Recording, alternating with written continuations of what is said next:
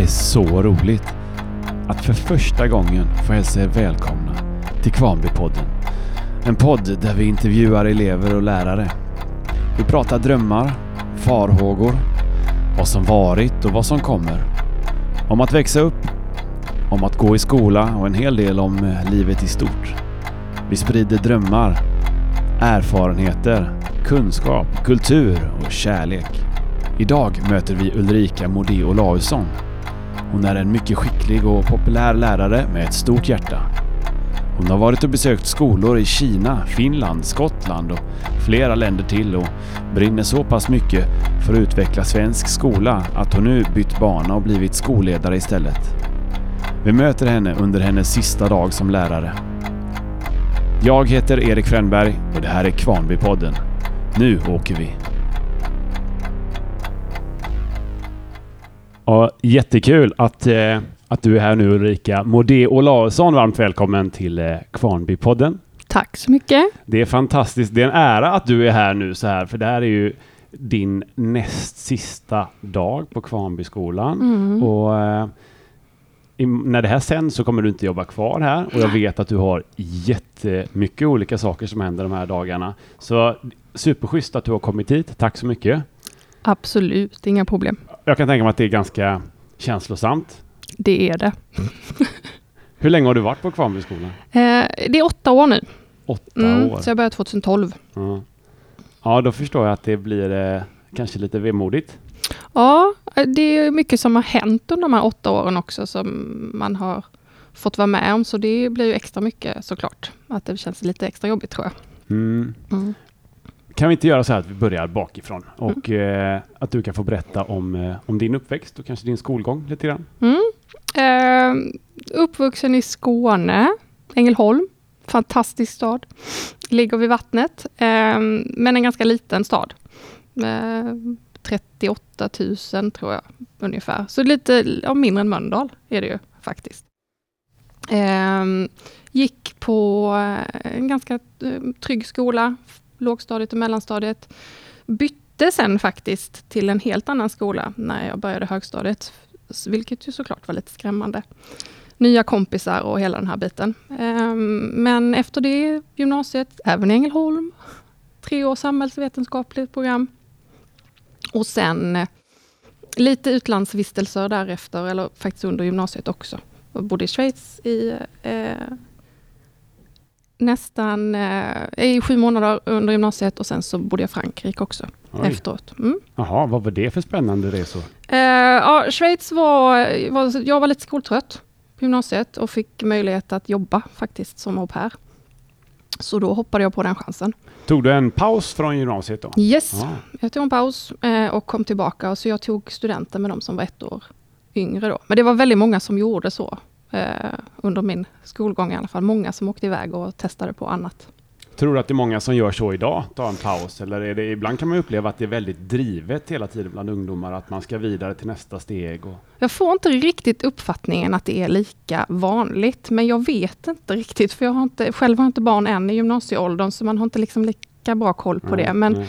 hos oss var det ganska vanligt att många åkte, både USA, Australien, ja, eh, Europa och gjorde ett år. De flesta gjorde ju utbytesår och pluggade, men jag eh, gjorde en egen variant. Ja. Är det här någonting som du, du tycker var en bra grej som du kanske rekommenderar folk att göra? Ta ett break om man är trött. Definitivt, absolut. Eh, sen så kanske jag inte rekommenderar att man ska åka som au pair när man är 17. Då är man lite ung. Jag var lite Mm. ung, Mm. kan jag tycka, så här i efterhand. Men, eh, men att ta ett utbytesår och plugga på high school eller något sådant, absolut.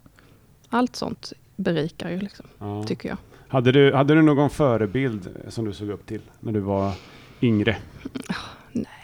Jag vet inte, nej det hade jag väl inte direkt sådär som jag kan komma på att jag... I efterhand så kan man väl tänka att min mamma var nog min förebild redan tidigt, liksom, eller såklart. Men inte någon sån där annan... eh, Nej, det tror jag inte jag hade något direkt. Nej. Hur, eh, hur var din eh, självkänsla och ditt självförtroende? När då? Ja, under dina, uh, säg, eh, Högstadieåren. högstadieåren kanske. Ja, men de, är- det är ju de värsta åren skulle jag vilja säga när det gäller självkänsla och självförtroende. Jag var väl ganska lik många tonåringar. Man brottades med eh, om man dög eller om man var tillräckligt bra på saker och ting. Jag var ganska studiemotiverad, eh, ville gärna mycket, eh, ville lyckas eh, där. Men eh, det var ju mycket annat som drog, som blev mer och mer intressant såklart. Och då, ja, mycket som man är ju osäker, eller jag var i alla fall ganska osäker. Kanske ganska tuff på ytan men eh, ändå rätt osäker Ja. innerst inne. Det låter som kanske många känner igen sig idag. Det tror Är jag. det, är det stor skillnad tror du på högstadietiden som ungdom, ja, men när du gick då och idag? Ja, det är det ju. Absolut. Det tror jag. Alltså nu har jag ju bara min erfarenhet av högstadiet och sen har jag min erfarenhet som lärare under 17 år nu då. Eh, men eh, jättestor skillnad. Alltså jag kände ju inte att jag hade någon direkt eh, relation eller pratade direkt med mina lärare mer än, om, eh, mer än på lektionstid. Liksom. Och det är mycket möjligt att det fanns de som gjorde det, men det känner jag att det har ju blivit viktigare idag för att man ska komma framåt tror jag. Eh, framförallt alltså dels som ur eh, bara betygskriteriers synvinkeln, liksom att man behöver ha en dialog med sin lärare på ett annat sätt. Och sen också att jag som lärare, jag tror det är viktigare att skapa en relation med eleverna nu än vad det kanske var när jag gick för hundra år sedan. Ja, varför då? Jag vet inte. Framförallt när det gäller betygssynvinkeln så handlar det ju faktiskt om att eh, många elever inte alltid är medvetna om vad det är de behöver förbättra eller vad de behöver tänka på. Och då måste man ju ta det med den som faktiskt bedömer en i de lägena. Ja, just det. Och det, när vi gick, eller när jag gick i skolan så det var det 27 av 32 på ett prov, liksom, punkt. Och så var det en etta, tvåa, trea, eller fyra eller femma. Liksom. Så den här kursplanen nu, om vi ska grotta ner oss lite, tror du kanske gör att folk blir tvungna att ha lite mer relation till sina lärare om man vill lyckas i skolan? Ja men det tror jag. Alltså jag säger inte att det är helt uteslutet. Det är inte så att du behöver gå och liksom bli bundis med dina lärare. Det är inte så jag menar. Men jag tror absolut att vill du förstå eh, och om du inte förstår så är det jätteviktigt att du, att du pratar och försöker få det förklarat för dig. Och det är ju min skyldighet också som lärare att förklara vad det är som, som behövs och vad som i vissa fall fattas då kanske. Ja. Känner du att du har en bra relation till eleverna? Ja, det tycker jag. Det, det jobbar jag ju väldigt mycket för. Jag vill ha en bra relation med mina elever och jag är ganska intresserad av mina elever. Så att, och det tror jag, hoppas jag i alla fall, att de, att de känner. Och det, så ja, det jobbar jag jättemycket på. Mm. Varför blev du lärare från början? Ja, det. Jag skulle ju inte bli lärare då. Var ju inte tänkt alls att jag skulle bli. Nej. Jag har en mamma som är lärare och senare rektor, så att jag var ganska övertygad om att det var ingenting för mig. Men sen så blev det bara så. Det blev bara så. Jag läste liksom ämnen som det föll sig ganska naturligt till slut. Jag var intresserad av språk, jag var intresserad av ehm, historia och sådana saker. Så det, det blev liksom, det blev så. Jag hade liksom inte så att jag hade bestämt mig för att det här ska jag bli. Nej. Utan det, det föll på plats. Men ja, vi ska inte nörda ner oss för mycket i eh, hur man lyckas i skolan. Men vi kan ju, du är ändå expert på dina ämnen, tänker jag. Mm. Svenska och engelska. Mm. Hur ska, man, eh, hur ska man lyckas i de ämnena? Alltså jag kommer ju... ehm, hur ska man lyckas i mina ämnen? Alltså det är ju lite tråkigt svar, men framförallt så är det ju faktiskt så att du kommer längre om du, kan, om du läser. Och det är, är så viktigt att du faktiskt eh, öppnar en bok då och då och, och, och bygger på ditt ordförråd. Eh, Det har du sån nytta i, i alla ämnen, så att det är väl... eh, Gör man det så har man en stor fördel i alla fall, så kan jag säga. Läsa böcker. Ja, Ja. tråkigt så. Både på svenska och engelska? Ja, kanske? gud, på alla Ja. språk. Läs på vilket språk du vill, bara du läser. Ja. Läs vad du vill, bara du läser. Det, det behöver inte vara en skönlitterär bok, liksom. Det, vad som helst. Läser vi för lite idag? Ja, gud ja. Aha. Men det, gör, Ja, det men säger ju alla studier att vi gör. Hur mycket ska man läsa på en dag då? Om man, om man nu är en högstadieungdom eller gymnasie. Ja, men det finns ju siffror som visar att man, alltså läser man lite varje dag så får man ju upp, ja men säg, det, det räcker kanske kvart, läsa en kvart, 20 minuter varje dag. Ja. Det finns ju studier som visar om på en läsande tonåring och en tonåring som inte har läst. Och det är ett enormt stor, en enormt stor skillnad i vilket ordförråd du har och Ja, byggt upp. Och förståelse kanske då? Ja, absolut. Ja. Och läsflyt och hastighet och avkodning och allting. Ja, så att egentligen för att lyckas i skolan generellt så tycker du, eh, och kanske inte bara du då, men eh, läs och läs mycket. Ja, det tycker jag. Ja. Mm. ja, det var ett bra tips. Vi tar med oss det. Eh, Det har mina elever hört några gånger. ja. Nu ska vi ju, inte vi, du ska byta karriär. Vad ska du göra? Eh, Jag ska gå över till skolledarsidan eh, och bli biträdande rektor på Åh, en, en eh, grundskola i Göteborg. det blir ju jättespännande. Vad är det som driver dig? Eh, vad är det som driver mig?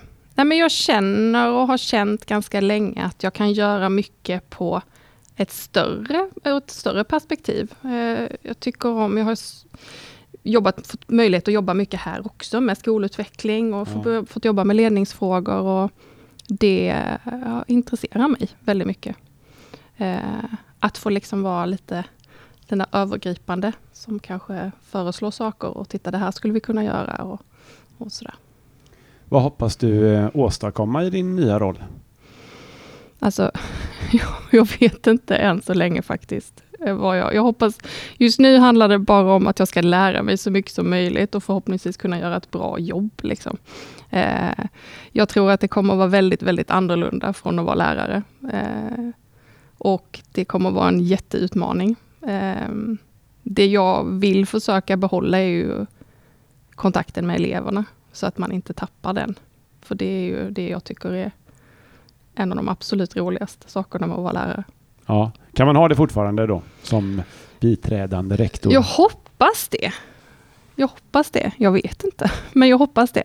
Jag förstår ju att det är mycket annat eh, som behöver göras. Så mycket praktiska beslut, mycket administration och sådär, men jag hoppas det.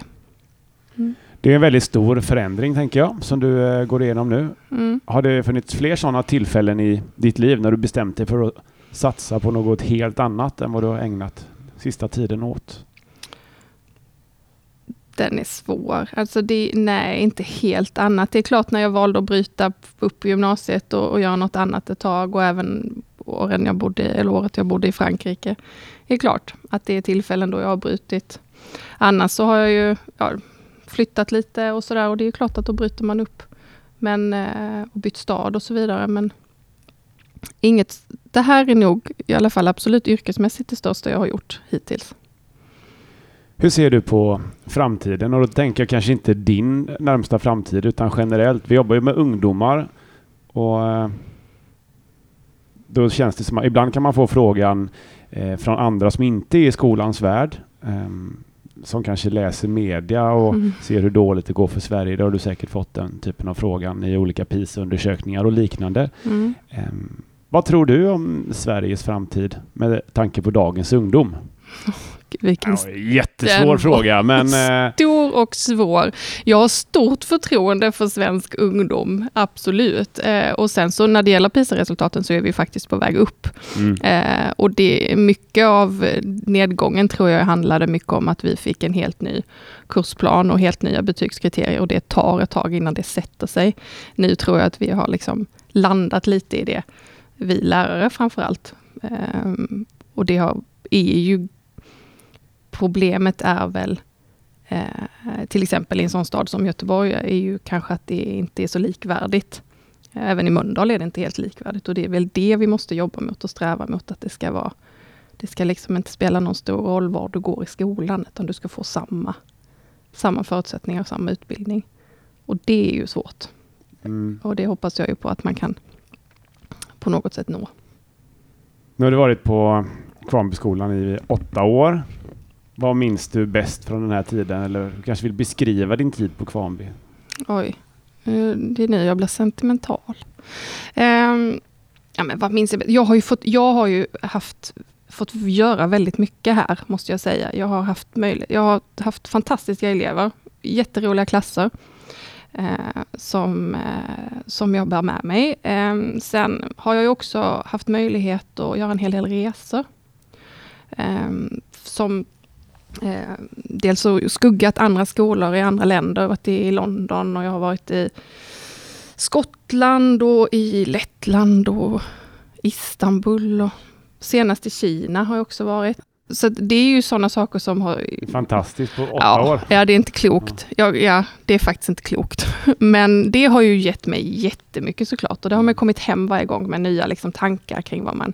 Men så här gör de på, på den här skolan mitt i centrala London. Liksom. Vad, vad, kan man, vad kan man göra med det här och så. Så det, det har ju varit det, det tillsammans med mina elever och sen så har jag ju faktiskt också fantastiska kollegor här, vilket vilket jag kommer att bära med mig såklart. Ja, för det måste ju bli annorlunda nu i din nya roll. jag misstänker det. I en annan position. Ja, mm. Mm, det misstänker jag. Och det, är ju, det kommer säkert att vara en liten utmaning för mig, för jag är ju rätt social, vill ja. ju gärna Du får folk. komma hit och fika. Ja, jag tänker det. Ja. Jag tänker det. Jag kommer att hänga här när det är Kvarnbyfikan på fredagar. Ja. Mm.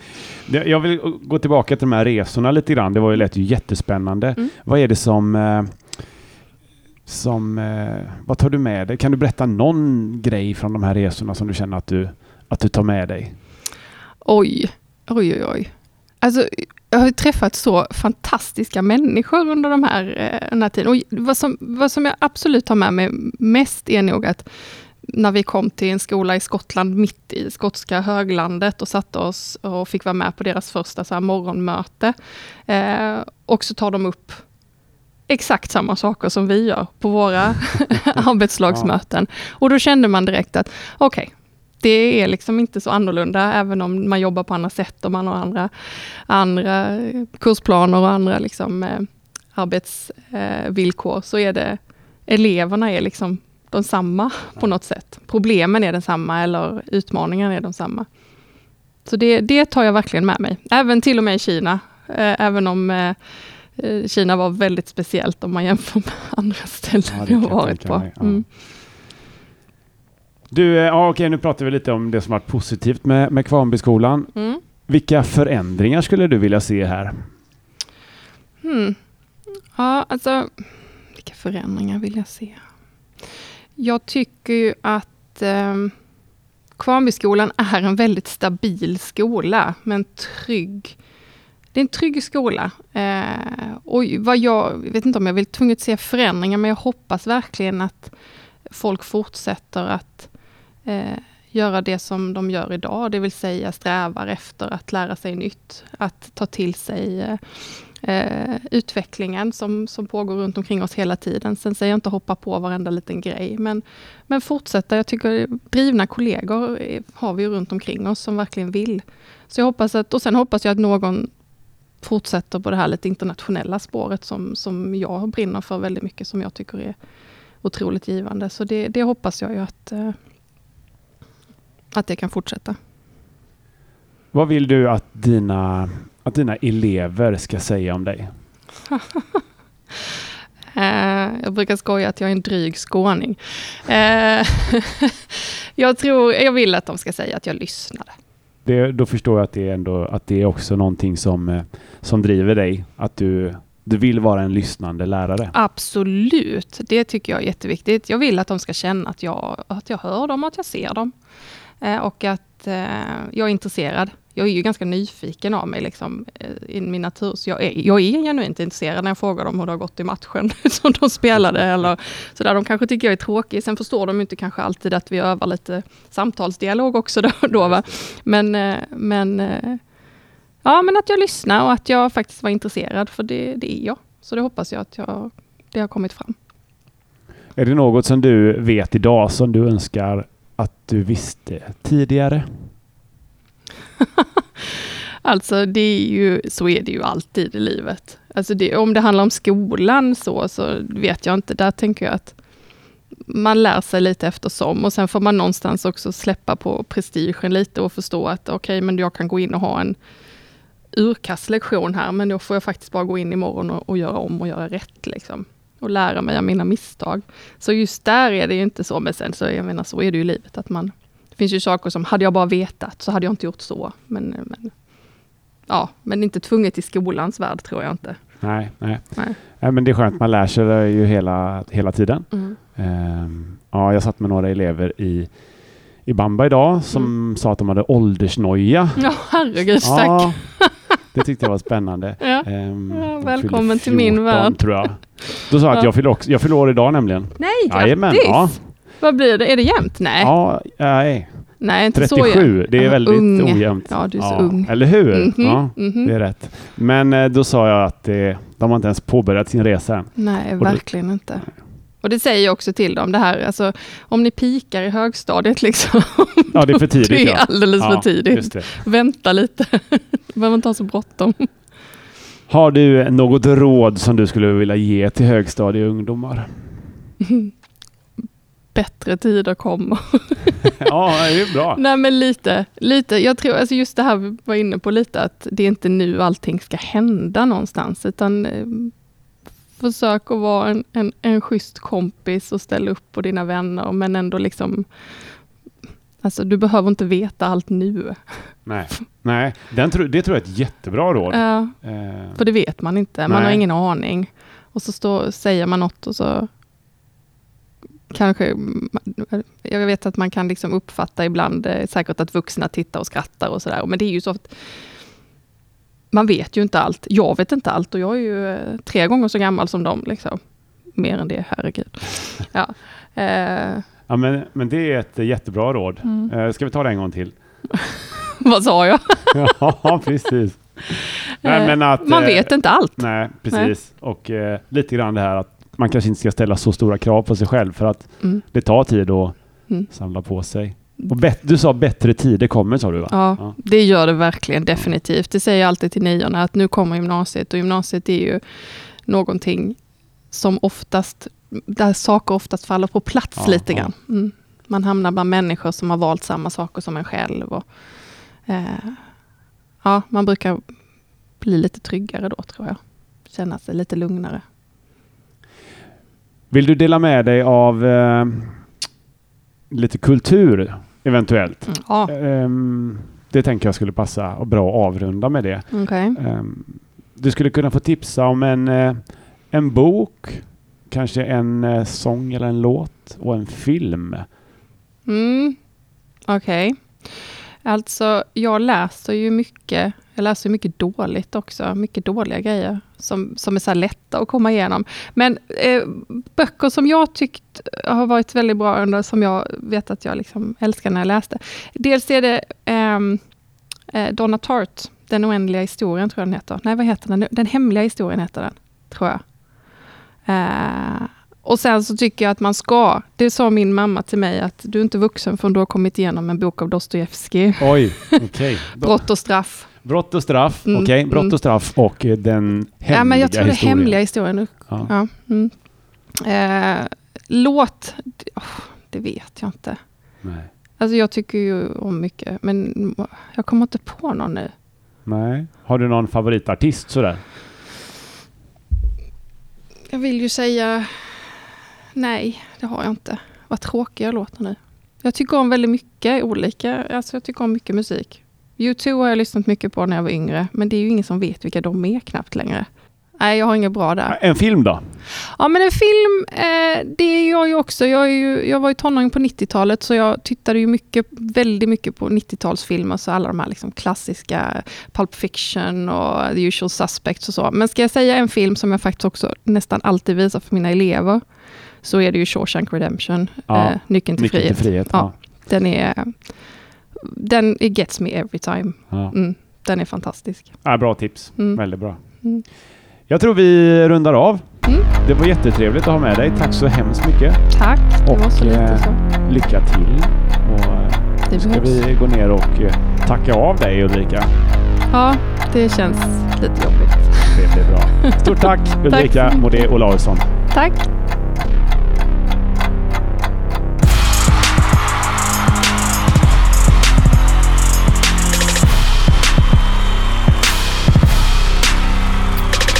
Don't want it, I don't want anything, money and fortune. Don't give a damn about the things. Wanna be who I am, know what they want me to be. Just leave me alone. I'm the queen, can't you see that? Laughing alright. Oh, what should I care about? Down to the ground, can you see who I am? Success is the word. I'm a saint, not a sinner. Where you lay on the bottom, I'm up here on the winners.